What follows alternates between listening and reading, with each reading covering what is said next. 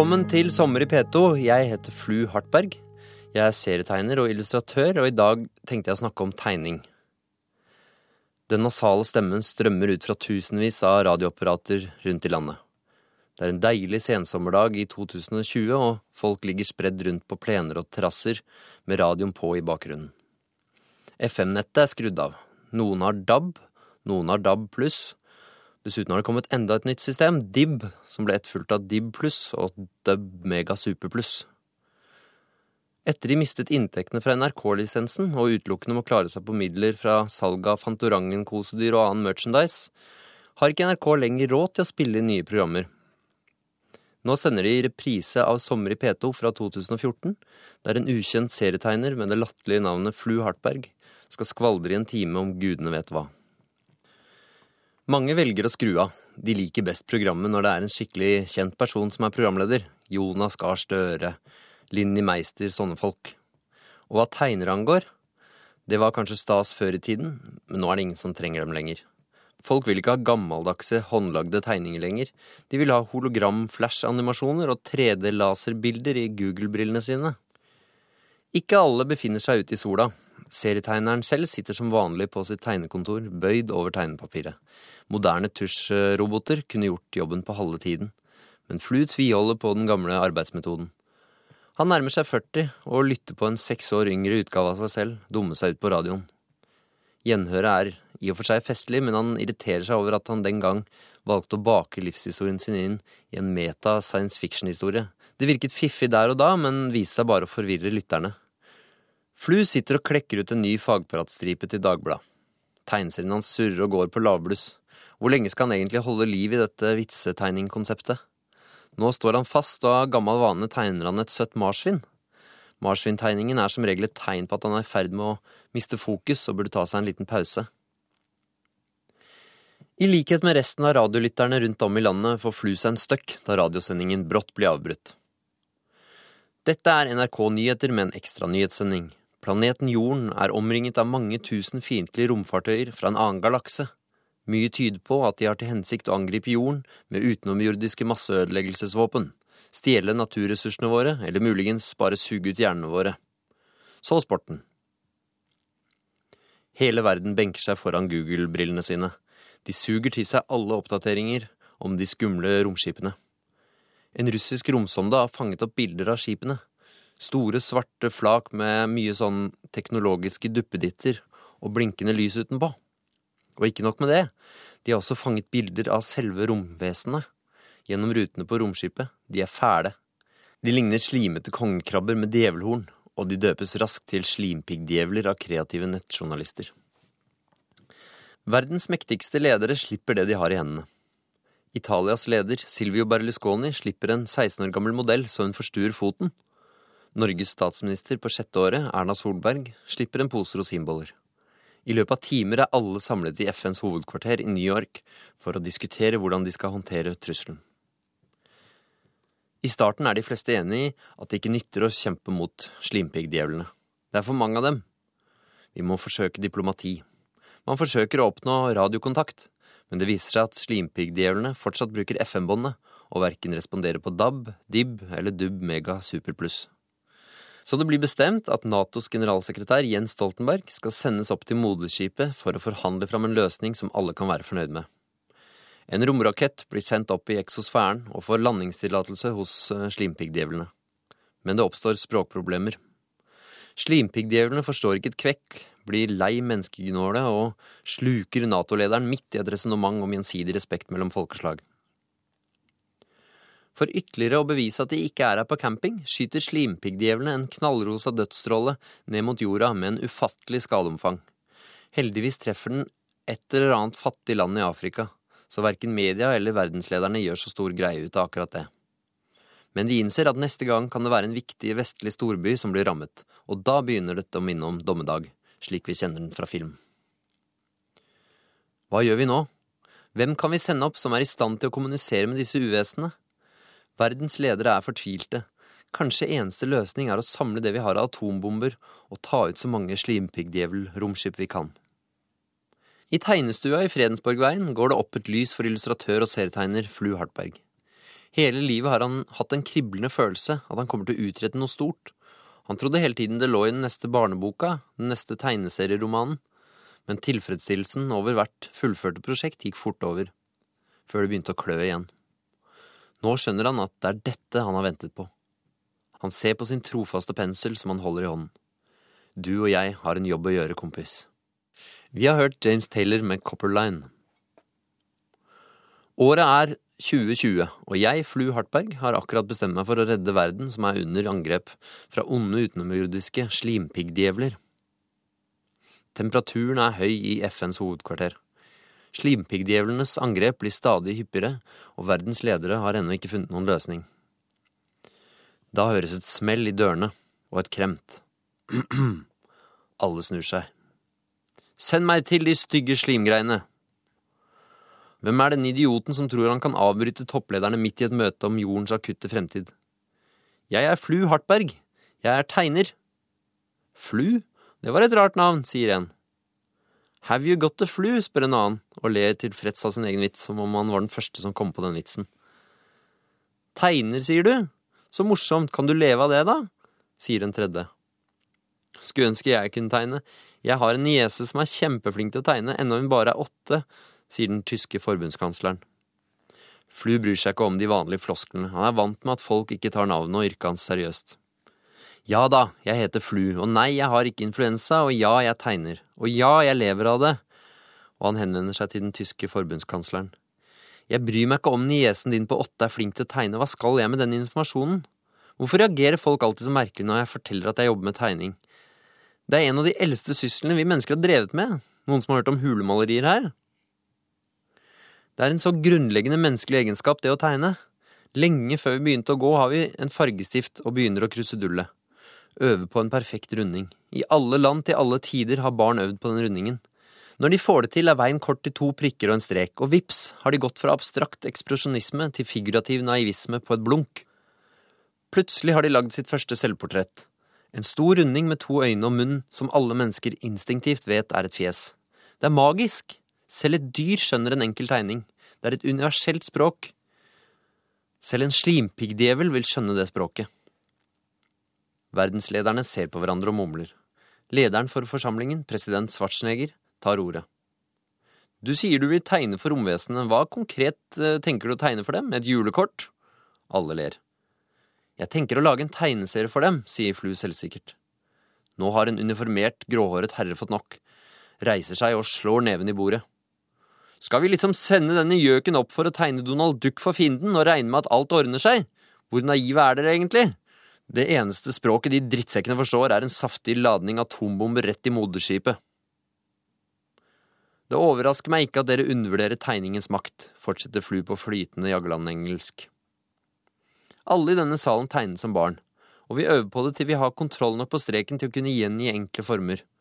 De fleste av oss klarer i en alder av sju–åtte år å kommunisere det meste ved hjelp av tegning. Ikke på en fotorealistisk måte, men med symbolske ikoner.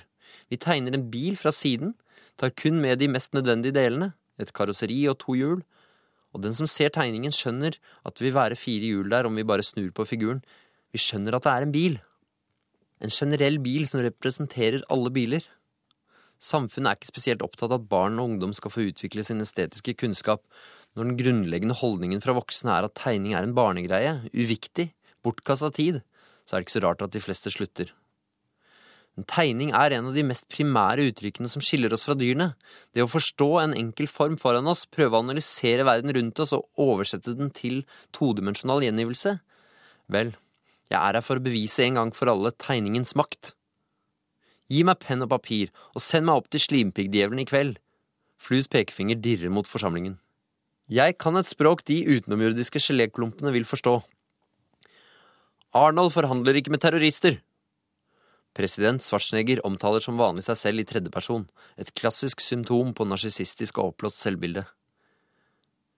Men ingen andre har kommet med et bedre forslag, så jeg foreslår vi gjør klar første og beste romrakett. Hm, verdenslederne gnir seg på hakene. Det kunne da ikke skade å prøve. Det var Radiohead med Bones. Mens slimpiggdjevlenes romskip fortsetter å skyte sine dødelige stråler mot jorda, rettes verdens søkelys nå mot Nebraska, USA, hvor en romrakett, som passende nok kan minne om en diger svart tegnepenn, gjøres i stand for å frakte serietegner og illustratør Flu Hartberg opp i verdensrommet for å redde verden fra de fryktelige slimpiggdjevlene ved hjelp av tegning. Mens han venter, spaserer han og president Schwarzenegger en tur rundt på oppskytningsområdet.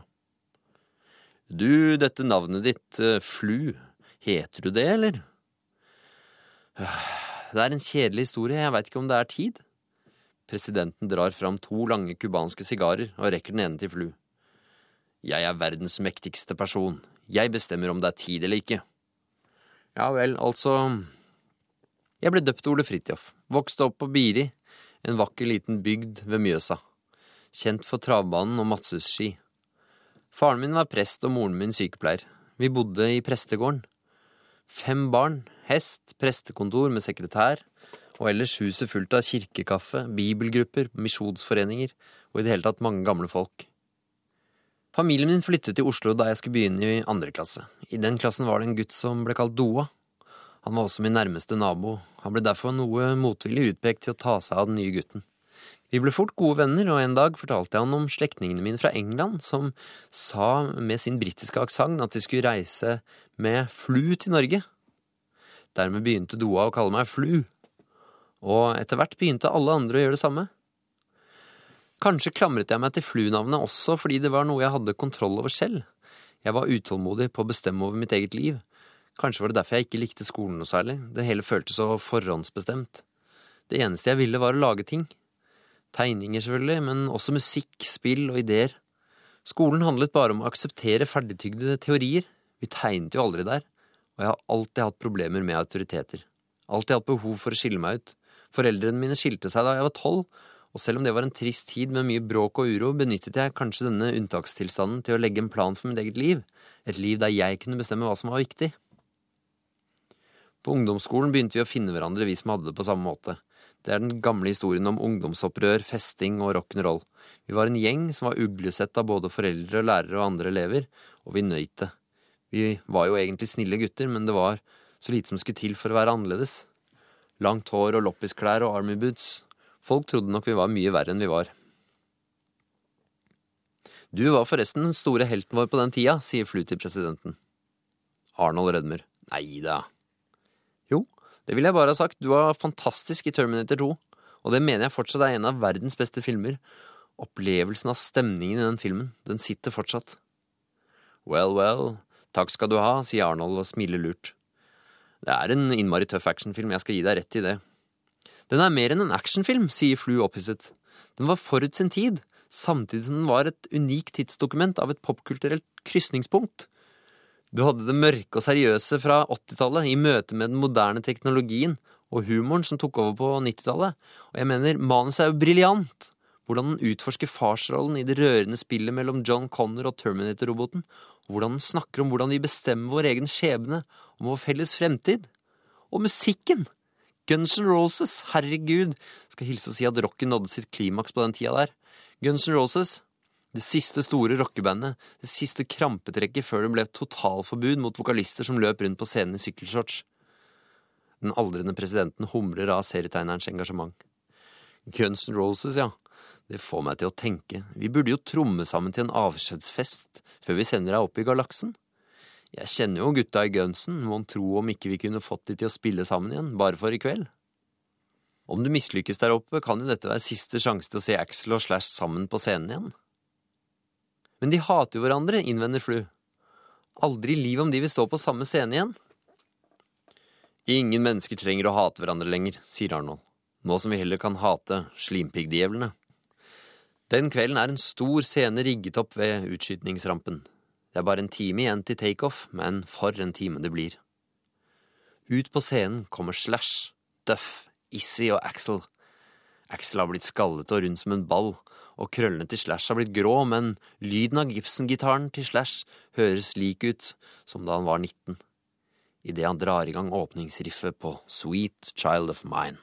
Det er tid for takeoff. President Schwarzenegger trykker hånda til en lettere nervøs Flu. Har du noen siste ord før avreise? Flu blunker lurt til Arnold. Hasta la vista, baby. I'll be back. Så lukker dørene seg med et svisj, og motorene begynner å riste. Flu setter seg til rette i raketten, men en lampe blinker, og en utholdelig pipelyd vil ikke gi seg. Ah, han har glemt å feste setebeltet. Sånn. Ut av ruta ser han de titusener mennesker som har samlet seg rundt utskytningsområdet for å følge den historiske begivenheten på nært hold. Og han veksler som han pleier mellom varme for menneskeheten og et misantropisk sinne. Det er rørende å se menneskene samle seg om et felles mål, komme seg ut i gatene med et budskap om frihet og fred. Men hva skjer om man redder verden? Er det da tilbake til TV-apparatene, der de absorberer hjernedød underholdning? Ispedd aggressiv markedsføring som får dem til å tilbringe fridagene sine på å kjøpe masse dritt på tilbud som går i stykker slik at de må kjøpe mer dritt? Hva er egentlig verst? Å la slimpiggdjevelen suge ut hjernene våre, eller å fortsette å la markedskreftene og den fordummende underholdningsindustrien gjøre det? Hvilken type kultur vi velger, er opp til oss, så hvorfor velger vi ikke vekk kultur som ikke gir oss noe? Kommersiell, intetsigende kultur som snakker ned til oss og undervurderer oss som mennesker.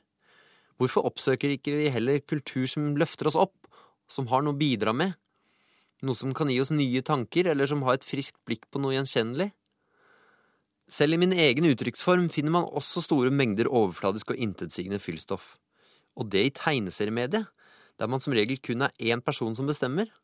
Alt ligger til rette for å kunne være kompromissløs, allikevel er det altfor ofte det grunne, platte og forutsigbare som folk forbinder med tegneserier.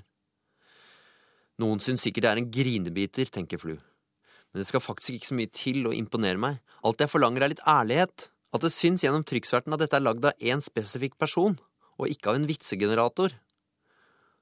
Noen ganger kan kvaliteten ligge mest i teksten, andre ganger kan en helt grei tekst eh, løftes av en tilstedeværende personlig strek. De fleste stripeserier som går i norske aviser, har ingen av disse egenskapene. De hviler uinspirert, men komfortabelt på det faktum at leseren er vant til at striper skal være pregløse og anonyme. Det er frossenmat. Fattig på smak og særpreg, men folk er vant til at det er slik det skal smake. All den irritasjonen i hodet på Flu høres kanskje destruktivt ut, men det er drivstoffet han trenger til sitt daglige virke. Sånn er det bare. Og apropos drivstoff, der er visst tanken på romraketten full, og nedtellingen begynner. Etter eget ønske spilles Daft Punk på rakettstereoen idet raketten letter fra bakken. Ti, ni, åtte, sju, seks, fem, fire, tre, to, én. Romraketten, lastet med serietegner Flu Hartberg pluss penn og papir, raser gjennom atmosfærelagene og sikter seg mot slimpiggdjevelens moderskip. En stor luke åpner seg og åpenbarer en høyteknologisk, men litt slimete landingsplass, der Flus romrakett på finurlig maner foretar en helautomatisk landing.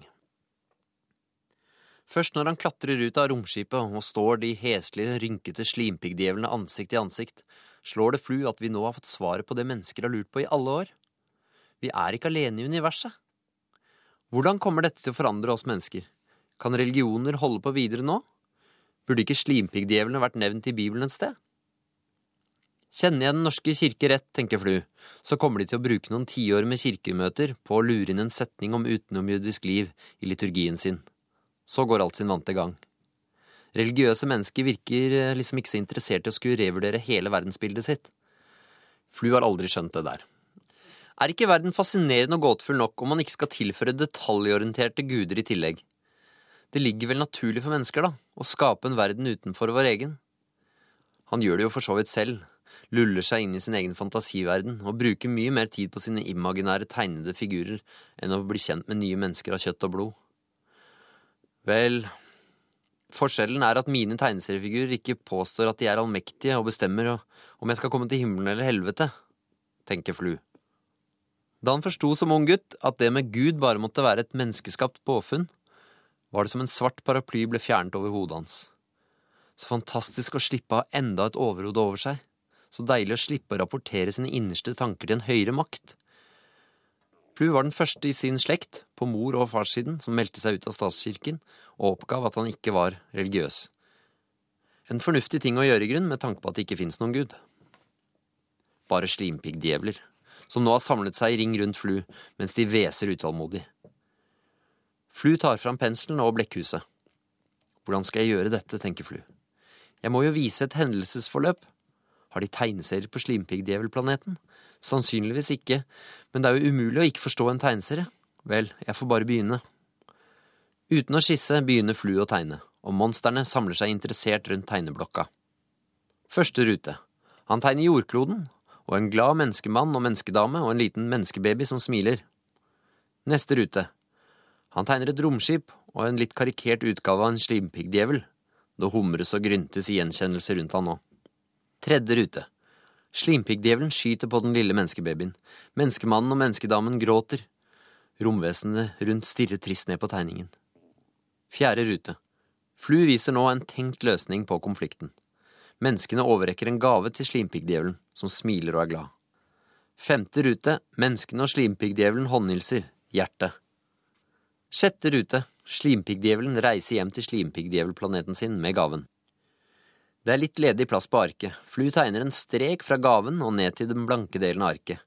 Her tegner han forskjellige ting som han tenker at slimpiggdjevlene kanskje kan ha lyst på. Han tegner diamanter, planter, vann, olje, gull, gitar, bil, platespiller, pizza. Han tegne gyngestol, ølflaske, gris, fisk, et slott, en bok. Hele tiden mens han gløtter bort på slimpiggdjevlene om de responderer på noen av tegningene. Så får han jernteppe. Han kommer plutselig ikke på flere ting å tegne og som han pleier i slike situasjoner, lager han en tegning av et søtt marsvin. Synet av marsvinet får slimpiggdjevlene til å kakle muntert. Se, dette har de aldri sett før. Liker dere marsvin? Dere kan få marsvinene våre, roper Flu før han kommer på at de ikke forstår norsk. Han tegner en ny tegneseriestripe, der mennesker gir slimpiggdjevlene et lass med marsvin, hvorpå slimpiggdjevlene reiser fornøyd hjem til sin egen planet. Han ser opp på dem, om de har forstått tegneserien. De nikker ivrig. Flu peker på tegningen av marsvin igjen. Marsvin, sier han forklarende. Udyrene ser på hverandre. Marsvin, prøver de seg med sine gurglete, dype stemmer. Ja, marsvin, vil dere ha marsvin? An, så skal dere få så mange marsvin dere bare vil. Flu til jorden, kaller jorden. Viktig melding. Dere må samle sammen så mange marsvin dere klarer og sende dem opp hit. Slimpiggdjevlene vil ha marsvin, er det forstått? Marsvin skal bli, lyder stemmen nede fra jorden. Og i de neste timene blir dyrebutikker og barneværelser i hele verden saumfart for marsvin. Selv marsvinoppdretterne i Peru gir villig bort livsgrunnlaget sitt. Det dreier seg jo tross alt om jordens overlevelse, dette. Dyrebeskyttelsen raser, gråtende barn tviholder på de små, tjukke rottedyrene sine, men til slutt har man fått ladet en rakett full av søte marsvin, som i all hast blir sendt opp i rommet. Blide og fornøyde, og med hvert sitt lille marsvin i favnen, tar slimpiggdjevlene farvel med Flu, som setter seg i romraketten og suser ned til jorda igjen. I bakspeilet, ja, for det er bakspeil på romraketter, ser han slimpiggdjevlene forsvinne vekk i det mørke verdensrommet. Jorden er reddet. Vi har hørt Beach Boys med Disney Girls. På bakken blir Flu møtt av jublende menneskemasser. Men de som jubler mest, er serietegnere fra alle land. De tilhører en kunstform som har vært latterliggjort og undervurdert i alle tider. Nå er det en annen dans. Tegnere blir hyllet som helter. De opplever ikke bare et hopp i status, men også i honorarene de tar. Tegning blir nå sett på som noe av det barskeste, mest voksne man kan bedrive tiden sin med. Snart har de passert både animatørene og spillutviklerne, og ikke minst våre hovedfiender, fotografene, i aktelse. Kunstnere innenfor andre uttrykksformer derimot begynner å murre. Vel og bra at en tegner reddet jorden, men burde man ikke heller spurt en danser, lurer det internasjonale forumet for samtidsdans. Kunne man ikke først ha prøvd med en fiolinist, en webdesigner, en visesanger, lurer de respektive kunstnerforeningene. Debatten går varmt på Dagsnytt 18. Men Flu skrur av radioen, legger fra seg tegnesakene og går ut i tegnestua for å nyte sommersola. Her får du Aslak Hartbergs The Fuzz med Dracul. Hør flere podkaster på nrk.no podkast.